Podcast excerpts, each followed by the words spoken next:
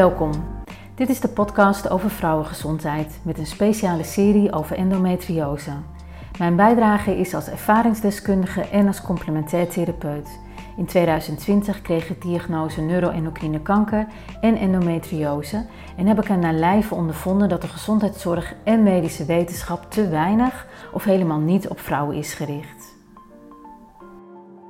De pijn die ik voelde op mijn darmen als wel op mijn baarmoeder, uh, daarbij kon ik dan overgeven, omdat mijn lichaam gewoon een antireactie gaf. Ja. Of dat ik flauw viel. Toen heb ik een second opinion gevraagd bij Bergman uh, Klinieks in Amsterdam. En ehm, daar uh, hebben we voor gekozen uiteindelijk om mijn baarmoeder eruit te halen, omdat ik ook endometriose heb. En daar werd het dus pas bekend, hè? Daar werd het pas bekend. Ja, 2019. Ja. Ik ben Hetty Kersies en met deze podcastserie deel ik mijn kennis en ervaring en praat ik met vrouwen over dit onderwerp. Daarmee hoop ik jou als luisteraar bewust te maken en wakker te schudden om niet af te wachten, zelf te voelen, zelf de regie te nemen en van je te laten horen, ook al is er nog geen officiële diagnose. Pijn is niet de norm. Ik ben wel weer gestart met de pil, omdat de endometriose wel weer uh, meer is geworden. Maar ik hou ervan om buiten de lijntjes te kleuren. Ja, dus heel goed. Mijn tweede gesprek is met Angelica Dekker. Ik mag haar Ans noemen in dit gesprek. Ze dealt sinds haar eerste menstruatie op haar veertiende al met heftige pijnen en bloedingen. Het wordt me ook wel duidelijk dat een leven lang endometriose gevolgen heeft voor de rest van het lichaam. Andere vitale organen worden aangetast. Ondanks de pijn en ongemak heeft ze zo goed en kwaad als het kon geprobeerd te leven. Vele behandelingen en operaties verder geeft ze aan dat ze toe is aan een leven zonder endometriose. En dat kan ik me goed voorstellen. En ja, misschien moest het gewoon gebeuren, maar de opname is mislukt. De microfoon stond simpelweg niet aan. Ik heb voor een groot deel van ons gesprek de audio van de video geript. Gelukkig liep dat wel. Mijn excuses daarvoor. Ondanks dat wens ik je veel luisterplezier. Goedemiddag Hans. Hi. Ook wij hebben elkaar eerder gesproken vanmiddag. We hebben samen geluncht. En we hebben de eerste kennismaking uh, gedaan. En eerlijk is eerlijk, we hebben al één uh, podcastopname erop zitten, maar um, die is niet opgenomen. Nee. nee. we hebben een heel fijn gesprek gehad en we gaan hem uh, alsnog voeren. Goedemiddag Hans, welkom. Hi, nou ja. dankjewel dat ik hier mag zijn. Ja, ik heb een oproep gedaan voor een podcast voor endometriose en jij hebt daarop gereageerd. Kun je uitleggen waarom? Uh, nou, ik zag via Facebook zag ik jouw uh, bericht voorbij komen en ik raakte daar uh, razend enthousiast van. omdat ik dacht van ja, ik wil endometriose ehm, meer op de kaart ge gezet hebben. Omdat er één op de acht vrouwen natuurlijk last hebben van endometriose, maar die het waarschijnlijk zelf of niet eens doorhebben. Of doorgaan met bepaalde pijnklachten. Uh, en ik wil gewoon dat iedere vrouw uh, leert om uh, van zichzelf te houden, maar vooral te herkennen als pijnpunten zijn. Ja. en dat ze dan sneller in de actie kunnen, zeg maar. Ja. Om, om te kijken of het eventueel endometriose is of hoe ze in ieder geval ermee om kunnen gaan. Ja. En wat is je persoonlijke verhaal als het gaat om endometriose? Nou, mijn verhaal is dat in 2001 uh, uh, ben ik naar de gynaecoloog gegaan. Eigenlijk vanaf mijn veertiende uh, dat ik menstrueerde, heb ik altijd onwijs veel last gehad van mijn menstruaties. Maar ja, het was altijd de norm van hup, doorgaan, niet zeuren, er is niks aan de hand, alle vrouwen hebben er last van. Dus ik dacht, het hoort er gewoon bij. Ja. toen bleek het al dat ik afwijkende cellen had. Het is op verschillende manieren is dat weggehaald. Uh, door middel van uh, een lissensessie, het invriezen. En uiteindelijk werd het een operatie omdat mijn baarmoederhals uh, daar ook bij betrokken was. Afwijkende cellen zijn in jouw geval afwijkende baarmoedercellen. Ja, ja. dus de papjes. Ja. in dit geval had ik 3B. uiteindelijk hebben ze dat verwijderd. Toen ben ik nog wel vijf jaar lang op controle geweest. Maar ik bleef eigenlijk altijd last houden. Nou, op een gegeven moment werd het eigenlijk wel steeds erger dat ik ook tijdens dat ik uh, moest gaan menstrueren ook heel veel last van mijn darmen had. Um, nou, in die periode gebeurde het ook wel eens dat ik dan kon flauwvallen of moest overgeven van de, van de krampen en de pijnen. Maar ja, ik dacht altijd, het hoort erbij. Op een gegeven moment werd het ook op seksueel gebied dat ik eh, bloed verloor. Dus toen dacht ik, nee, nu, nu ga ik toch weer aan de bel trekken. Ik ga terug naar de gynaecoloog. Nou, die gaf heel duidelijk aan, nee hoor, er is niks aan de hand. Die heeft wel een uitstrijkje afgenomen. Ehm, maar die gaf duidelijk weer, eh, nee, het is prima zo. Maar iets in mijn onbewuste zei, het klopt gewoon niet. Het, Nee. het voelde gewoon niet goed. Dus dan heb ik een second opinion aangevraagd bij eh Bergman Clinics in eh, Amsterdam. Daar ben ik onwijs goed door geholpen. Eh, we hebben ook dus geconstateerd dat ik endometriose heb. Daarbij hebben we ervoor gekozen, of in ieder geval ik had ervoor gekozen om mijn baarmoeder eruit eh, te laten halen. Eh, de operatie stond gepland, is ook uitgevoerd. Het is alleen een kijkoperatie geworden. Omdat ze daar dus achter kwamen dat mijn endometriose op mijn blaas, mijn urineleider en mijn darmen zaten. Eh, bij mijn blaas hebben ze goed kunnen weghalen, alleen bij mijn darmen en mijn urineleider niet, omdat het dan een blijvende stoma of katheter zou worden. Nou, ik was nog geen 40, dus dat wil je natuurlijk niet. Nee. Ehm, dus uiteindelijk eh, eh, bij Bergman konden ze me niet verder helpen, want eh, daar hadden ze geen uroloog in huis. Dus ze halen wel baarmoeders weg, maar zodra het gecompliceerd wordt, dan verwijzen ze toch terug naar het AMC. Toen ben ik bij het AMC gekomen. Alleen vanwege corona was het natuurlijk lange wachttijden en alles was natuurlijk op slot. OK-tijden werden uitgesteld en dat soort dingen. Dus ik ben uiteindelijk vorig jaar maart ben ik geopereerd eh, aan mijn baarmoeder, die is eruit. Eh, daar was ik heel blij mee, dus de menstrueren is gestopt. Alleen de klachten ehm, zijn teruggekomen eh, van de zomer, vorig jaar zomer. En eh, ja, mijn darmen en mijn urineleider ja, zitten nog steeds daarin betrokken en geeft veel pijn weer, waardoor soms mijn urineleider afsluit en mijn nier daardoor ook vast gaat zitten. Dus de urine kan dan niet goed weg. Dat, ja, dat zorgt voor eh, best wel flinke pijnen. Ja. En door middel van een pil willen we dat nu onderdrukken. Ehm, maar ik ben nu voor mezelf ook aan het kijken van zijn er niet andere manieren nog eh, dan alleen de pil, ehm, hoe ik mezelf weer fit en eh, Ja. ja, weer, weer in de markt kan krijgen. Want ik wil gewoon ook weer verder. Ja. Maar dan heb je eigenlijk vanaf je veertiende tot nu met pijn geleefd. En is dat dan altijd tijdens de menstruatie of ook gedurende de maand, dus tijdens de ijsprong? Of... Nee, het, eh, de eiersprong eh, eh, wel eens, zeg maar, maar niet, niet altijd. Ik kon het wel voelen, zeg Ja. Eh, daarnaast altijd, altijd, zeg maar, als het begon, dus echt het beginstadium van eh, het menstrueren, dat was het hevigste, zeg maar. Ja. Omdat het dan met mijn darm samenging, wat dan niet helemaal lekker liep. Waardoor ik echt wel pijn had bij het overgeven of flauw vallen, omdat ik gewoon dan het lichaam schakelt even uit, denk ik dan. Ja. Eh, wat wel heel mooi is, dat je lichaam altijd eh, wel signalen afgeeft. Ja. Alleen dat we er te weinig naar luisteren. Ja.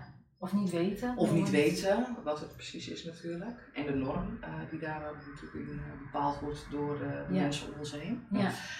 Eh, maar voor de rest, tijdens de menstruatie zelf waren het lange dagen. eh, negen dagen. En uiteindelijk kwam ik aan de pil, waardoor in ieder geval de menstruatie iets minder werd. Van zes naar zeven dagen ongeveer. Eh, dus dat onderdrukte toen de tijd die endometriose, denk ik altijd. Ja. Ja. Waardoor ik het wel minder gevoeld heb. Ja. En nu dat ik ouder word eh, en de pil niet meer slikte, dat het daardoor toch is gaan woekeren of Ja. Ja. Ja, en, en wat me ook opvalt in je verhaal is, het is, het is veel. Weet je, het is een never ending story, zeg maar. Dus er is ook, ehm, aan de ene kant weten we heel weinig en aan de andere kant zijn de verhalen van de meeste vrouwen vol van medische handelingen, zeg maar. Ja. En dat is in die zin een beetje tegenstrijdig, maar ook wel heel interessant, toch? Van, ehm, we weten het niet, maar toch gaan we dit proberen. Of toch gaan we dit doen. Ja. En vaak zijn de meeste, nou, volgens mij zijn alle hormonen die wij als vrouwen gebruiken, niet eens getest op vrouwenlijven. Dus dat zijn ook alleen maar hormonen die getest zijn op mannenlijven. Ja. Ehm, En dat, dat blijf ik wel bizar vinden, dat het Ja. eh, getest is en niet op vrouwen. ja, Eh, want dan denk ik, ja, mannen lijven toch anders met hun testosteron en hormonen eh, in elkaar dan natuurlijk de vrouw. ja, Ehm, dus ik denk wel dat daar, dat we als vrouw zijn ook veel meer moeten gaan kijken naar, luister ook naar je eigen lichaam. Welke behoeften heb ik nou echt nodig. Hè? Bijvoorbeeld, ik, ik heb altijd gedacht, ik ga geen kinderen kunnen krijgen. En ik wist dat ik onbewust, medisch altijd wel iets had van, hm, ik weet het niet. Ja, Maar nooit naar geluisterd. En nu dat dit eruit is, kan ik dingen plaatsen. plaatsen. Ja, ja. je wist het eigenlijk al. Ja, ja, maar voor me een soort volgevoel of een soort oergevoel. Ja, en ik denk ook dat het lastig kan zijn misschien voor vrouwen om in dat niet weten te stappen. Omdat je bent ook van de ene behandeling naar de andere, Andere, behandeling gegaan. Terwijl een arts ook wel aangeeft van ja, ik weet het niet, maar we doen dit. Ja. En ehm, dat je ergens stevig in je schoenen moet staan om ehm, dicht bij jezelf te blijven. Nou, omdat je gaat in een soort rollercoaster. Eh, daarbij is endometriose natuurlijk nog niet zo heel erg lang bekend. Terwijl wel een op de acht vrouwen er natuurlijk last van hebben. Ja, Eh, dus dat is echt wel een groot aantal. eh. Ja. Ehm, en de ontwikkeling daarentegen hè, wordt weinig, hè, er is weinig onderzoeken eh, gedaan. Hè, als we al zeggen dat, dat hormonen worden getest op mannen in plaats van vrouwen. Er is nog te weinig bekend over het vrouwenlichaam en het orgaan, de baarmoeder en de darmen, in dit geval bij mij dan. ja, Eh, maar ik geloof wel dat het allemaal betrekking heeft eh, tot elkaar. ja, Eh, en daardoor, ja, soms moeten we ook weer eens even terug naar onszelf toe. ja,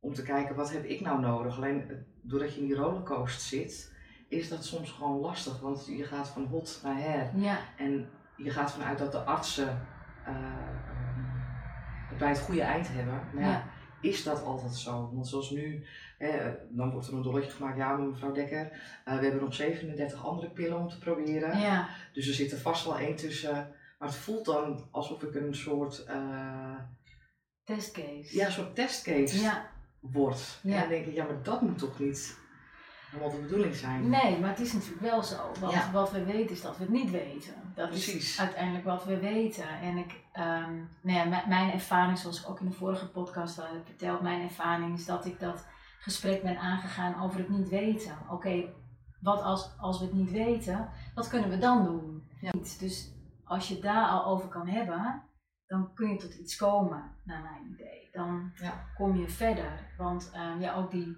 34 of 37 soorten pillen die jij voorgeschoteld krijgt, ja, daar weten we het ook niet van. Ja, en ik denk misschien moeten we, eh, als we naar een consult gaan, gewoon een button eh, opdoen met eh, we weten het niet. Hoe nu verder? Hoe nu verder? ja. Ja, ja het is, ik snap wel, het is een ander uitgangspunt en dat zijn we niet gewend. Maar ik denk wel dat het ook ons vrouwen de, die mogelijkheid geeft. Het is ook een, ja, misschien moeten we niet een afwachtende rol gaan aannemen om af te wachten op medische feiten. Wat kunnen we doen? Nou, wat mij in deze afgelopen periode heel erg ge- geholpen heeft, is een bad.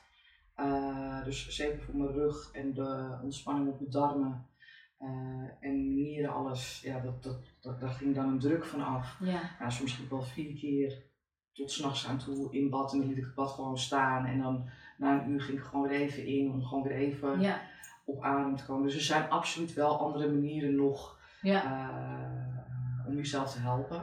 Alleen ja, de endometriose blijft wel zitten ja, in dit geval. ja. Bij mij, maar Ja. dat is ook bij iedereen natuurlijk weer verschillend. Ja, dat klopt. Ja, maar ik denk als we meer begrijpen van onszelf en ons vrouwenlijf, kunnen we daar ook veel beter en eerder op inspelen. Waardoor, want daar hebben we het ook nog even gehad in ons eerste gesprek van eh, hoe, zit het eigenlijk met onze vitale organen? Als je, als je zo lang endometriose hebt, is je lichaam eigenlijk zo hard aan het knokken. En eh, wat kost dat eigenlijk? Wat, ten koste van wat?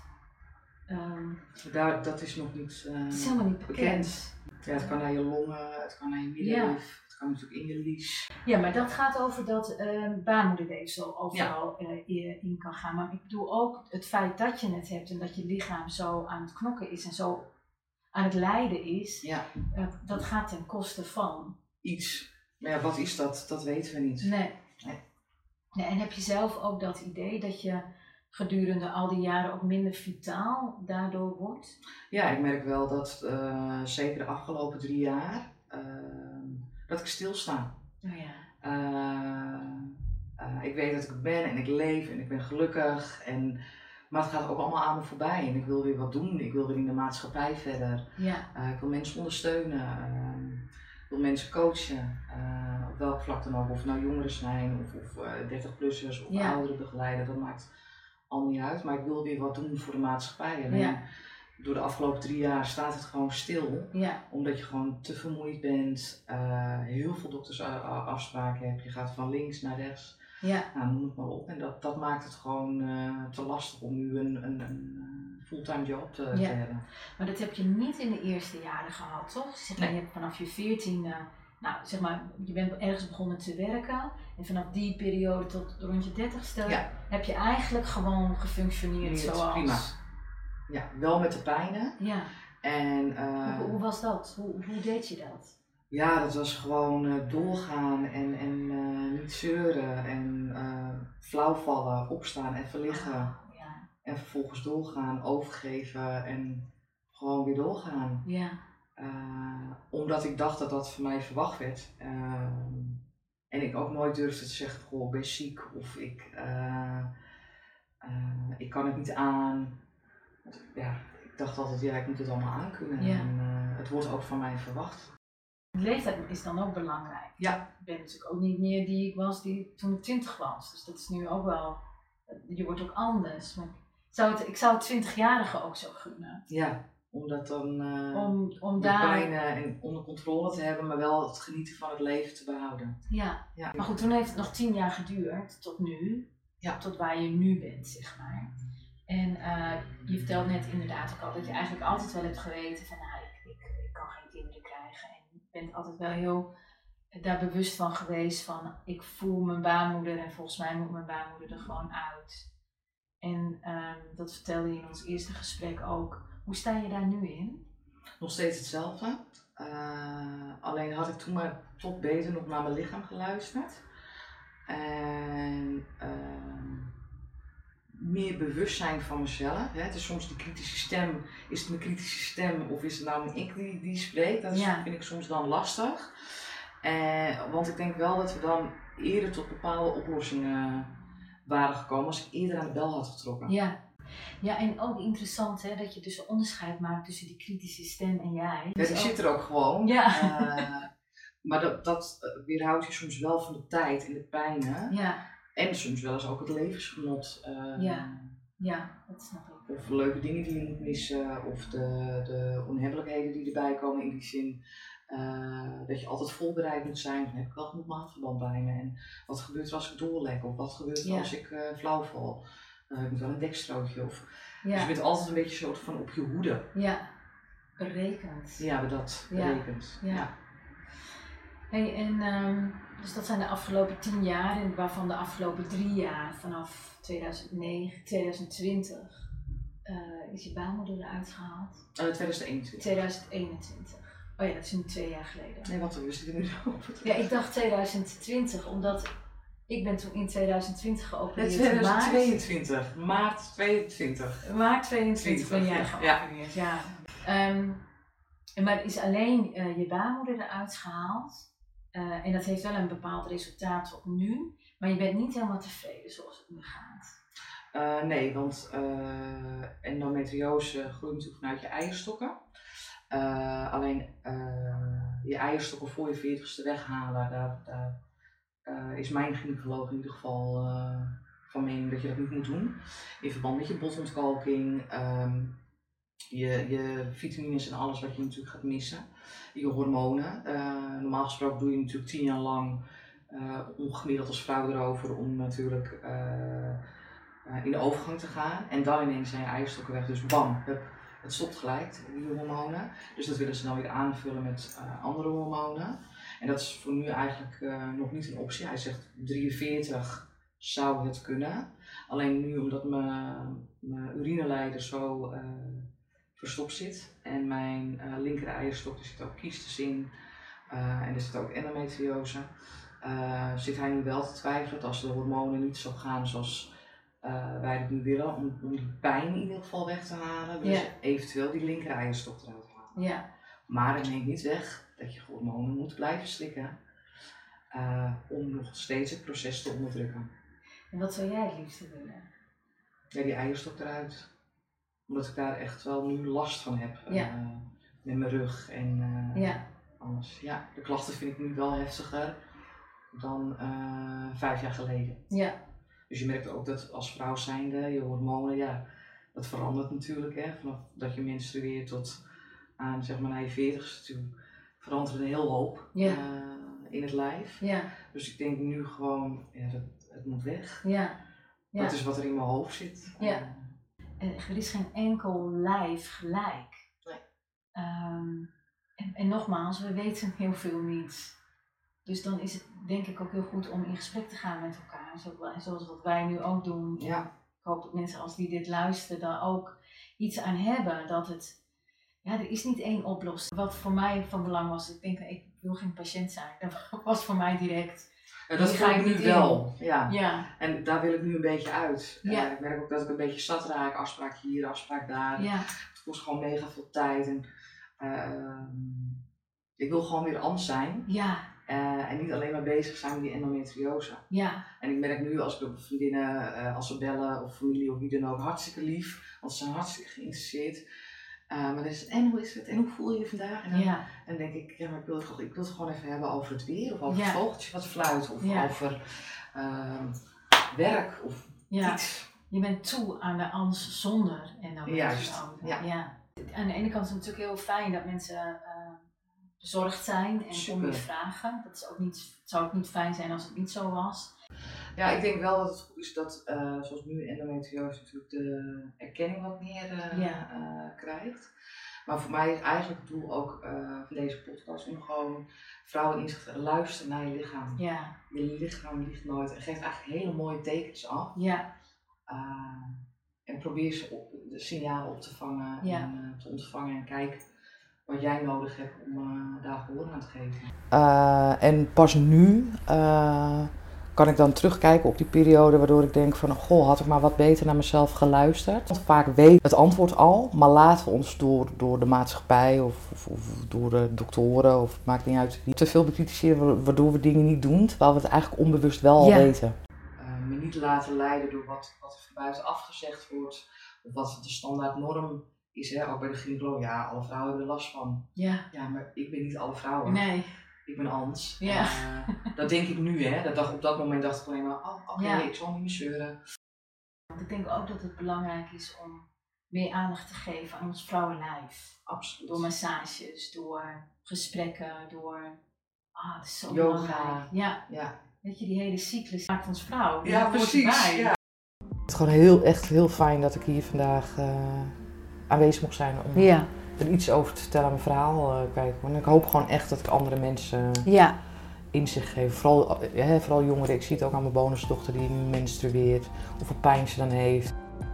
zeg dankjewel Ans. Jij ook. Ik eh, wens je ook veel eh, succes en sterkte de komende tijd. Want ehm, het is nog niet voorbij. Bedankt voor het luisteren. Ik hoop dat de slechtere kwaliteit van het geluid niet al te storend voor je was. En dat het verhaal van Angelica goed is overgekomen. Wil je op de hoogte gehouden worden van deze podcastserie? Schrijf je dan in voor mijn nieuwsbrief via hettykersies.nl. Je kunt me ook volgen op Instagram, LinkedIn of Spotify.